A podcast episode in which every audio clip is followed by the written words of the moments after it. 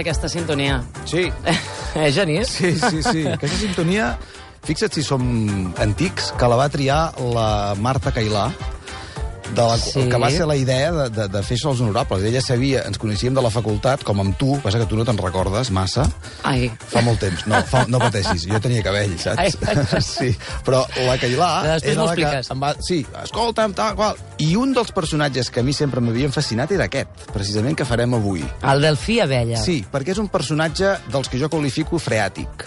Mm. Són personatges que van per sota, però que la humidifiquen tot un territori sense saber la gent per, això perquè està moll. Saps? A vegades dius, com és que està moll aquest terra? Perquè sota hi ha aigua a algun lloc.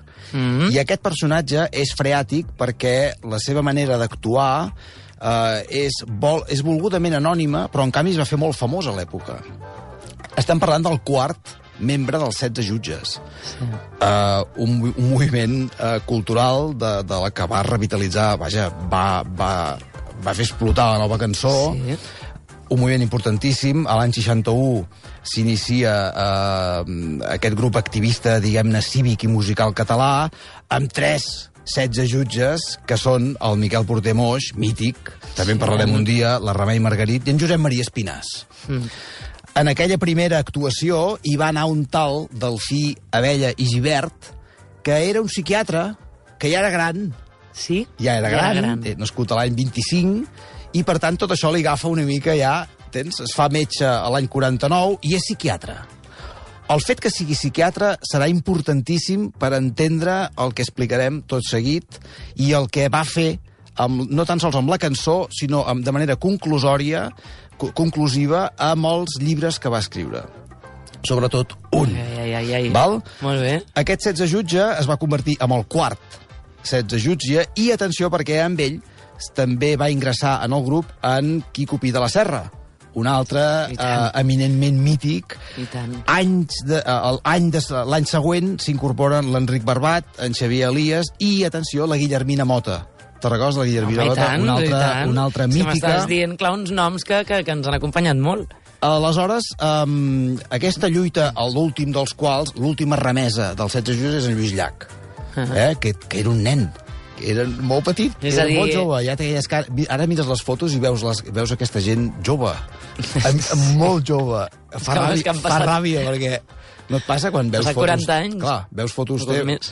tu encara ets molt jove, però clar, tu ara veus fotos dels anys 80, veus la gent amb, els, amb, aquell, amb aquelles espatlleres. Home, i sí, És terrible. i topers, i sí, sí. Doncs bé, uh, tot això té molt a veure amb una tradició musical molt important que va fer que els 16 jutges creessin autèntics hits. Els greatest hits de l'època era, per exemple, aquesta cançó que poca gent recorda, que és del Delfí Abella, una cançó que ho té tot. Té protesta social, té crítica, enganxa, mm. enganxa molt i parla d'una cosa que avui mateix ens afecta, que és el futbol. El dilluns, cara a la feina, calibrem els resultats. Després llegim sense treva comentaris agrapats. Discutim bé la jugada del primer o de l'últim gol. I tots a fi de setmana pensem com un home sol. Cap a futbol, cap a diumenge, Això cap a futbol. es va convertir en, en una cançó tan, tan popular. Tothom cantava això. I era el del Fiabella. La pilota cridem per animals de casa, amb fort i un ànim udol. Ha de guanyar l'equip propi, tant si es vol com si no es vol. Cap al futbol. Aquest, aquest migdia hi haurà nens que ens hauran escoltat Segur. i que es, cap al futbol i diran, escolta, posa'm, busca'm al YouTube aquesta cançó i et sortirà la història. I a sota hi dirà Delfí Abella. I ell que em va fer la, la, la ell, va, lletra? ell va fer la lletra, la, la música, era músic, Ah. eh, era, era compositor, però sobretot feia la lletra. Feia la lletra i li interessava molt el que es feia a Europa.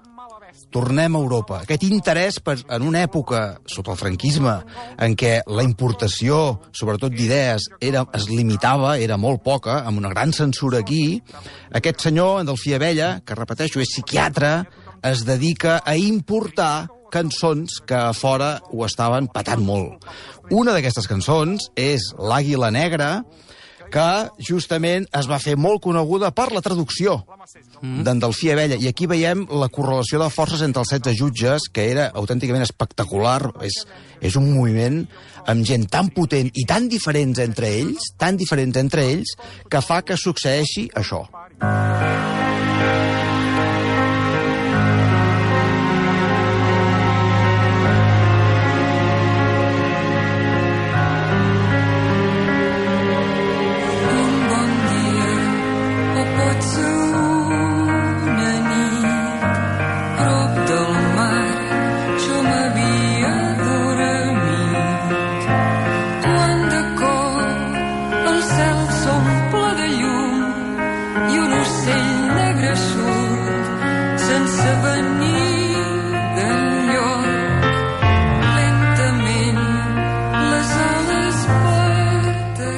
Això, això es va convertir en un èxit L'any 71, aquesta cançó, interpretada per la Maria del Mar Bonet, que és una altra remesa de 16 jutges, Sí. eh? més endavant, això del 61-68 va ser d'una intensitat molt alta, i, la, i la, la Maria del Mar Bonet és potser... Escolta, escolta, això. Sí, sí.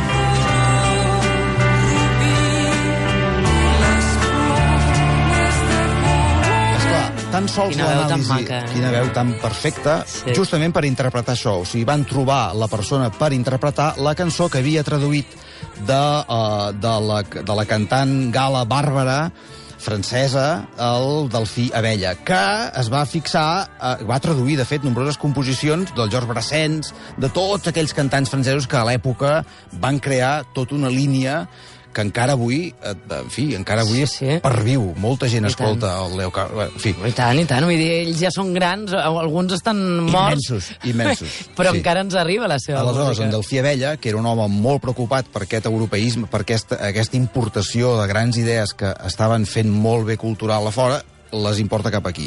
Culmina amb aquesta cançó que per si sola, l'Àguila Negra, que és aquesta cançó, debuta l'any 71 eh, amb una Maria del Bar Bonet que fa una sèrie de concerts a Madrid i es patega amb aquesta cançó eh, a la sala Boccaccio. O sigui, aquesta exposició que s'està fent Sí. a la, a la, a, a la, al Palau, Palau Robert, Robert. que tothom ha d'anar a veure, eh, és important perquè aquí debutava gent que tenia oportunitat de fer-ho, i en aquest cas, amb l'Àguila Negra, eh, l'èxit que va tenir la Maria del Bàrbara a la sala Boccaccio va ser espectacular. Venia, però, de publicar-la amb un disc i amb una discogràfica que es deia Boccaccio Records, que la va crear l'Oriol Regàs expressament per poder fer que aquests èxits catalans tinguessin una certa repercussió a nivell peninsular espanyol. Mm. El que no preveien és que l'any 71, quan debuten amb l'Àguila Negra, traduïda, repeteixo, pel Delfí Abella, tindria un èxit impressionant, perquè va ser la cançó en català més escoltada a les ràdios. Una cosa, a part que és una cançó perfecta, Eh, que l'ha interpretat tothom, l'ha volgut interpretar tothom Sí. perquè és extremadament difícil. Um, a partir d'aquí, la, la Maria del Mar Bonet fa un salt qualitatiu molt important, tot això es patega al Palau de la Música, uh, amb en Mustaquí, en George Mustaquí, sí. un altre mite, que li demana que sigui ella la que vagi a cantar amb ell, que l'acompanyi Ah, al sí? Palau de la Música. Imagina't. Arrel de, arran de l'èxit d'aquesta cançó. Però tornem al personatge, perquè Molt bé, molt bé, eh, molt tot bé. això té un culpable, que és aquest psiquiatre tan freàtic, com deien, que, atenció, només publica tres discos. O sigui, és un home força frugal, alhora e- era un home molt crític amb ell mateix, en Delfí Abella, i aquests tres discos, però, inclouen una sèrie de, de, de, de cançons que s'han convertit en molt mítiques, sense perdre de vista que aquest senyor era psiquiatre. I aquest és un aspecte molt important en aquesta biografia. Es llicencia en Medicina l'any 49, rep eh, lliçons de, la- de la mà d'un altre gegant de la medicina, que és en Joan Ubiols, un dia també te'n parlaré, molt interessant. L'Ubiols és el, el, el, el metge que assisteix en Dalí Ah, quan sí? mor. Sí, sí, un dia en parlarem d'això. Espectacular, un gran gastrònom, en fi, alumne a la vegada d'en Ramon Serró, que, era, que havia sigut deixeble de Freud. Uh, que, per, per tant, tot això entronca amb aquesta... Quanta gent coneixes? amb aquest- Geni Cinca, quantes històries? Uh, uh, tot això entronca amb aquesta idea europea que sota uns anys, com que aquí uh, havia minvat molt uh, l'estructura universitària per, per poder estudiar fora, aquests personatges individualment, atenció, individualment, uh, incorporaven tot, tot, tota aquesta innovació intel·lectual que estava succeint a Europa. Um, el uh, Delfí Abella es doctora, atenció a la dada, amb un estudi clínic i uh, fenomenològic de la hipocondria. És un home que té un gran interès en, en una mica fer, com, com t'ho diria, trencar la tesi freudiana que tots som arquetips, que els éssers humans tu ets això, com això dels horòscops, no? Tu ets Sí. cranc, tu ets... de- Bé, en realitat, en realitat, el que importa en Delfí Abella és l'antropologia existencialista. Pel fet que ningú està subjecte a cap arquetip, és impossible, i en realitat cada individu, cada individu, per si sol, és un arquetip. És impossible encasellar-nos aquesta dèria que tenim d'etiquetar-ho tot. Amb els nens, per exemple. Aquest és un TDA. A veure, un moment. Ai, calma, Calma, sisplau. calma mira't-el mira bé, perquè aquest individu per si solet té eh, tota una existència per explicar i, i tota una fenomenologia que, el- que el fa ser d'aquesta manera. I tot això, aquesta nova visió del món que en Delfí Abella, aquest psiquiatre quart membre dels 16 jutges, culmina amb una cançó, i després ho lligarem amb el gran llibre que va fer, que és Les formigues. Passen les formigues, van camí del cau, miren cap a terra, sota del cel blau. A poc a poc És una crítica Ah, És una quin és crítica el subtext? Profundi... El subtext és que tots som formigues i que te- estem subjectes a un sistema social que cadascú ha de fer la seva feina i tots cap a baix al cau i les larves i no sé què. I fa un, un anàlisi antropològic de la formiga eh, a nivell humà. És que és fantàstic aquest senyor. T- Per tant, tenim un psiquiatre... És molt bo perquè porta l'experiència clínica, Clar, i, no? a la cançó. A la cançó. a la cançó. Tot ho tradueix cantant, amb cançons, a més a més, que després, eh, amb aquests tres discos que ell publica, es fan molt famoses. La la de Cap al futbol és una crítica Sí, sí. social ter terrible de, de anem tots com xaiets L'alienació, no? L'alienació. De... Aleshores, tot això, a més a més, hi ha una tercera dimensió que per mi és la més important, Bé, la més important és la, és la musical artística, però tot això està subjecte a un, a un cos literari que per en Delfí Abella tots aquests personatges tan importants normalment escriuen, i escriuen bé, i es dedica a fer una anàlisi del caràcter català. Ui. I aquí anem. Ui, Primer de tot Quin fa un llibre, l'any jardí. 58... Ara sí, m'hi fico de quatre potes, jo aviso. Potser després d'avui No, escolta, ja és no, cosa ja del no delfí, més. és cosa del delfí. Del delfí Abella. Uh, fa un, publica un, un llibre que es diu Mossèn Cinto, vist pel psiquiatre analitza la figura d'en Cinto Verdaguer, el gran poeta, a través de la, de la visió, des del catre del psiquiatre, la seu allà, i li fa una anàlisi del caràcter i el trinxa. El Ai, ai, trinxa de la... Esclar, era capellà, aquest senyor. Sí, sí. Era capellà, però diguem que se li sabien una sèrie de relacions femenines. Bé, ell, el, el Delfí Abella, que quan escriu, que quan escriu es pot deixar anar per fer... Ja no és freàtic. Entens? És sí. quan escriu que aquest personatge... I per això tradueix, i per ell la literatura és tan important, perquè és escrivint quan se sent totalment lliure, ningú l'escolta, ningú li diu res, això ho devia fer els caps de setmana, i aquí es dedica a fer una vivisecció de la figura de Mossèn Cinto. Però és que a l'any 62, no, perdó, a l'any 61 apareix l'obra, per mi, aparentment, eh, a parer meu, culminant del Delfí Abella, que és el nostre caràcter.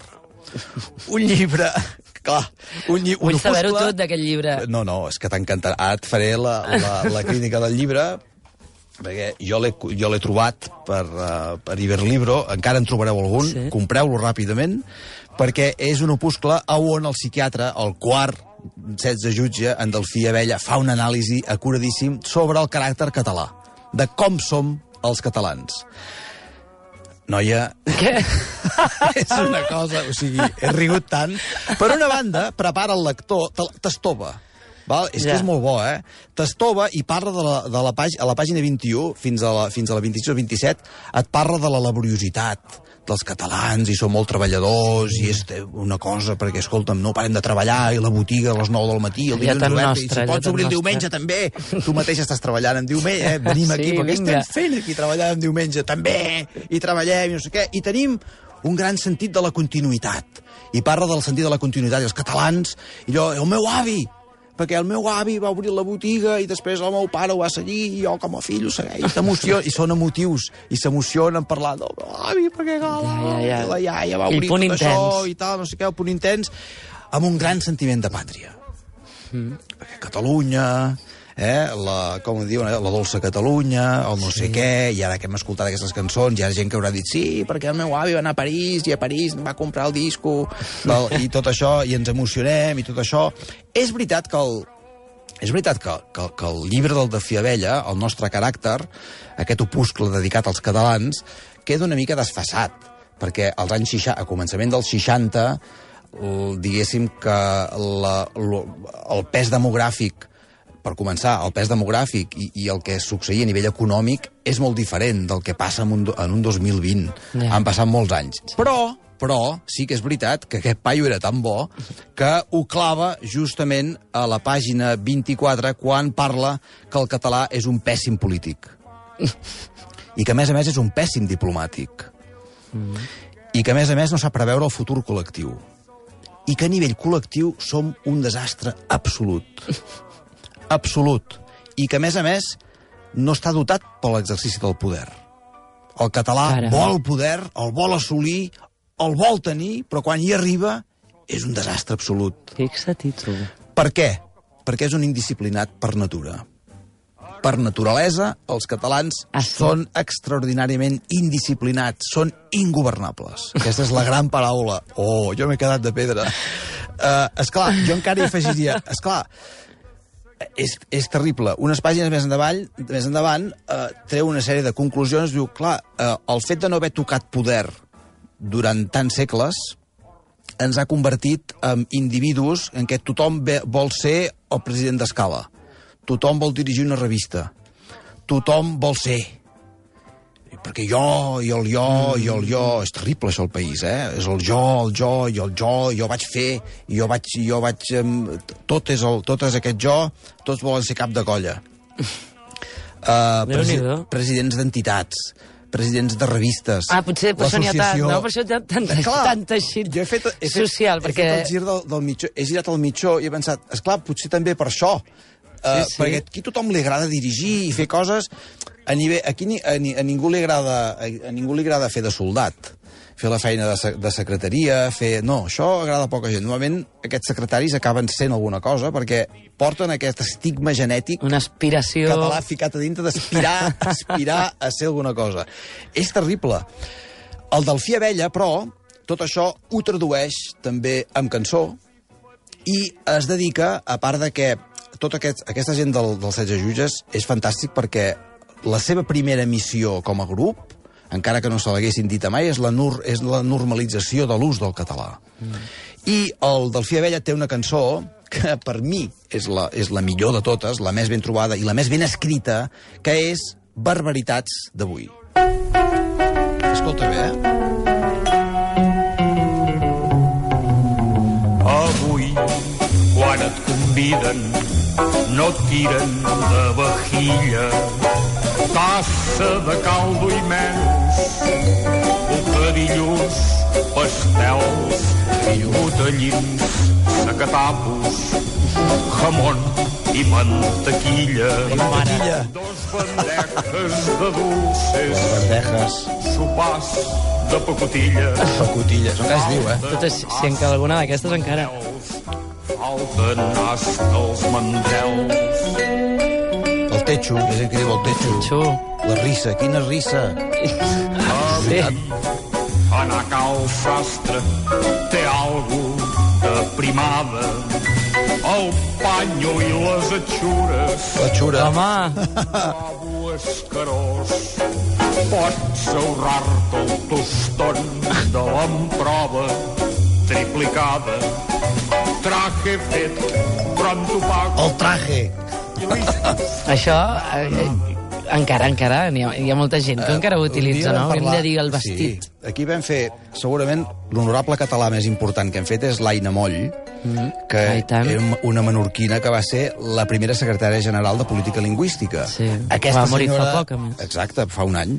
Uh, aquesta senyora va ser la creadora de la norma, juntament amb el Juste de Nin, aquell dibuixant, Sí, sí. el vam trucar aquí, i ens explicava la desesperació de l'Aina Moll quan la gent deia busson.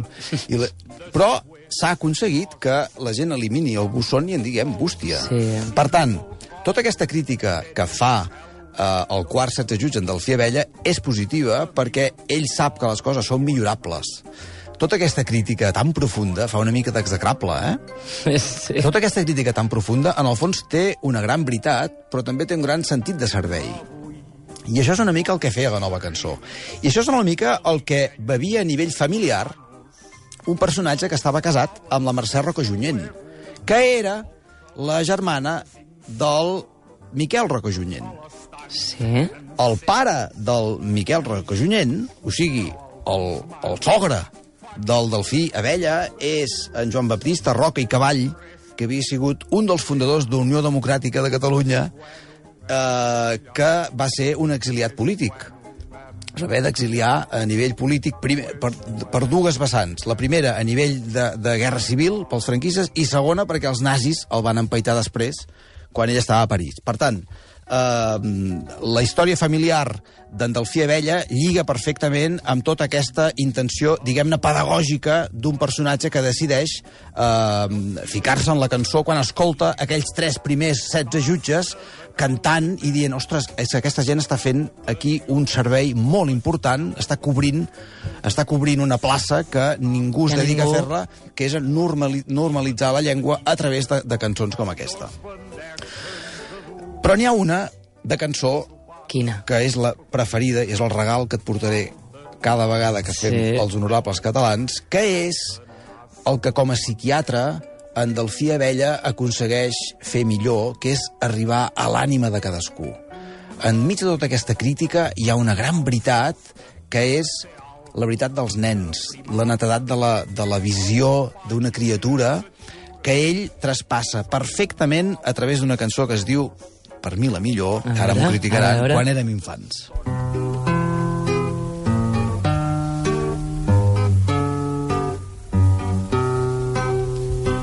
Quan tu duies trenes, quan jo era un bailet, no hi havia penes, no feia mai fred, amb una joguina buscàvem la pau, tu amb la teva nina, jo amb el cavall brau. És molt... És una cançó... Tornem a a aquella perfecció, eh? De, del gran escriptor, De la descripció, no? la descripció, la, la importància també de no ser només músic, Ja. sinó de ser, a més, metge, ser, a més, psiquiatre, escriure, estimar la literatura. M'he deixat de dir que el nostre caràcter, aquell llibre en què critica els catalans, que és enormement útil, perquè conèixer els defectes de cadascú et converteix en, en, en, un, et dona un gran poder per poder actuar i refer aquests errors. Va ser publicat per Dalmau Editors. En Rafael Dalmau, eh, i Ferreres era un barceloní que va fundar una editorial del Mau Editors l'any 59 que es va dedicar a publicar tot allò que en certa manera era, era, impublicable, que no es podia publicar per la censura. Caça perfectament el psiquiatre del Fia Vella que ens aconsegueix cançons com aquesta que no passen desapercebudes per un altre 16 jutge que és aquest. Quan tu duies trena, quan jo era un bailet, no hi havia pena, El mestre... no feia mai Què vols? Clar, això t'ho agafa el Serrat, que és un altre 16 jutge, és que és bestial. Aquesta enorme. història. Clar, aleshores, això t'ho porta a un estadi, et canta això i et fa un desfet. Fixa't. Jo amb el cavall brau, mirant com ressona Això puja... la campana La, la, la, la cançó puja primer per la melodia, però després també per la lletra. d'hora Perquè bona. parla del que parla. Sí, sí. Doncs el més important tampoc és això. Ah, no? El més important és que tot això no quedi en aquella generació podríem dir aquella generació perduda dels bocatxos i companyia de la nova, de la nova Cancó, que et deia, perquè no, no hi havia La- la la C tancada, tancada, la, la clar. Cancó i tot això, sinó que sigui traspassat, i aquí ve allò de la continuïtat, la laboriositat que tant li agradava en aquell llibre al nostre cràter, el del Fia Vella, que és com canta aquesta cançó quan érem infants la generació actual, per exemple, de la veu extraordinària de la Gemma Humet. Quan tu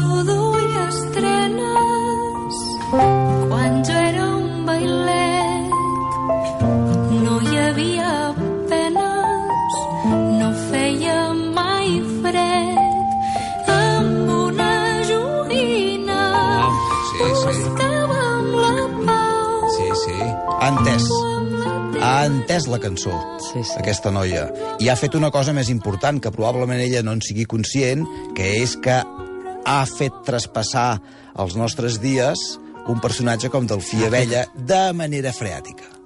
Ara, això et lliga sap. amb el principi, no? Ningú sap d'aquesta cançó, de qui és, però és de qui és. I ell està allà. I ell està allà. Va, per sota de... Exacte. I això també és molt català.